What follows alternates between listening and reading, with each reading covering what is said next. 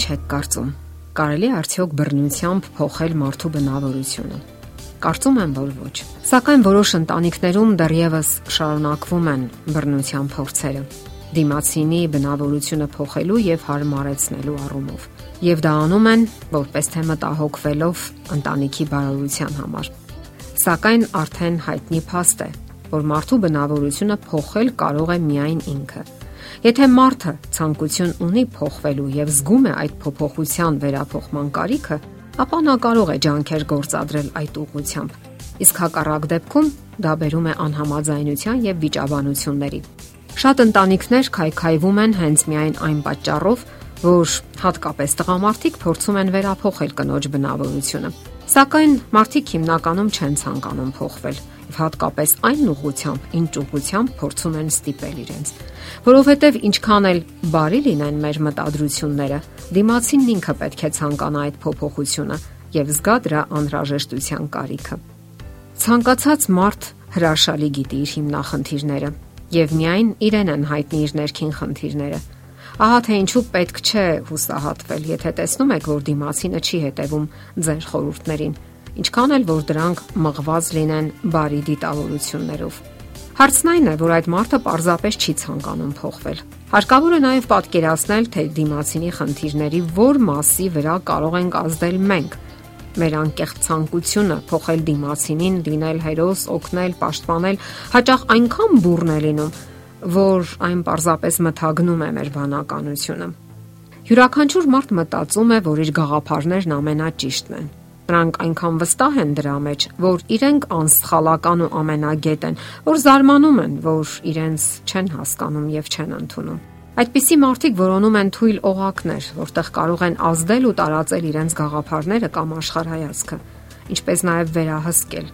Եվ շատ են զարմանում, տեսնելով, որ դիմացիները չեն ցանկանում ընդունել դրանք, առավել եւս փոխվել ըստ իրենց կմահաճույքի։ Ցավոք այդ դաշտը հաճախ լինում է հենց ամուսնական կամ երիտասարդական հարաբերությունների ոլորտը։ Հարկավոր է հստակ հասկանալ այն ոլորտները, որտեղ ազդեցություն ունենք մենք եւ որտեղ կարող ենք իսկապես օգնել։ Ենթադրենք ձեր կողակիցը ցանկանում է աշխատանք գտնել եւ չի կարողանում։ Դուք անկասկած կարող եք օգնել, որովհետեւ կապված եք համատեղ շահերով եւ հետաքրքրություններով սակայն կարող եք անել մինչև այն սահմանը, որտեղ նա ինքն է ցանկանում որովհետև վերջին հաշվով նա ինքն է աշխատելու եւ միայն իրեն են հայտնի այն հիմնախնդիրները, որոնց նա բախվելու է աշխատանքային այդ գործունեության ընթացքում։ Նաև կարիք չկա հուսահատվել միայն այն բանի համար, որ ձեր դիմացինը չի ցանկանում լսել ձեզ։ Ձեզ անզոր եւ անօքնական մի զգացեք։ Դուք ավելի շուտ գտեք պատասխանատվության ձեր սահմանը։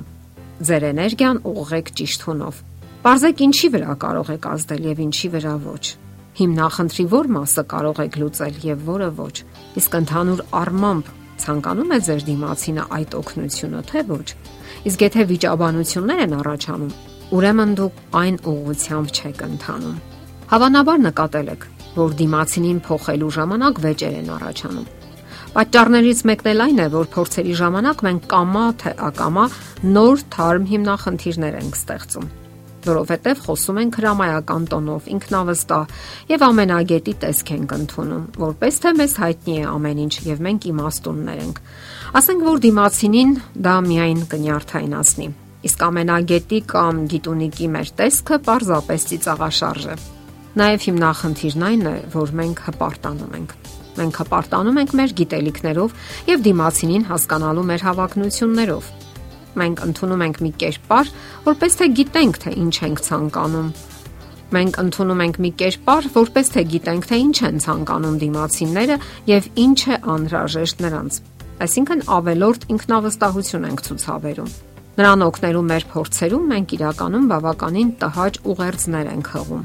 Այն է, ես քեզանից լավ գիտեմ, թե ինչպես լուծել քո հիմնախնդիրները։ Ես չեմ վստահում քո ուղեղին եւ քո առողջ դատողությանը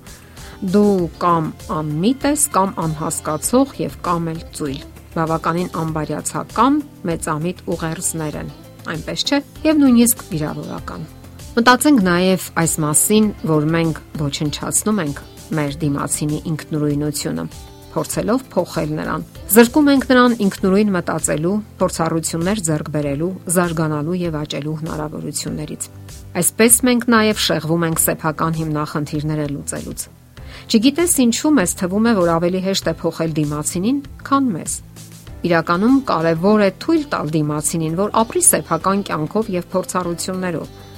ընդունի ինքնուրույն որոշումներ, ունենա սխալվելու եւ սեփական սխալներից դասեր քաղելու, հետևություններ անելու փորձառություն։ Եվ սա նշանակում է հարգել դիմացինի ազատությունն ու ինքնուրույնությունը։ Եվ ձեր ամենալավ խորհուրդը կլինի այդ խորհրդի բացակայությունը։ Իսկ եթե ցանկանում են ձեր օգնությունը, դա արդեն այլ հարց է։ Դե ի՞նչ, եղեք ողջախոհ եւ յուրաքանչյուր փոփոխություն սկսեք հենց ձեզնից։ Եթերում ընտանիք հաղորդաշարներ։ Ձեզ հետ է Գեղեցիկ Մարտիրոսյանը։ Հարցերի եւ առաջարկությունների դեպքում զանգահարեք 099 08 20 93 հեռախոսահամարով։ Հետևեք մեզ hopmedia.am հասցեով։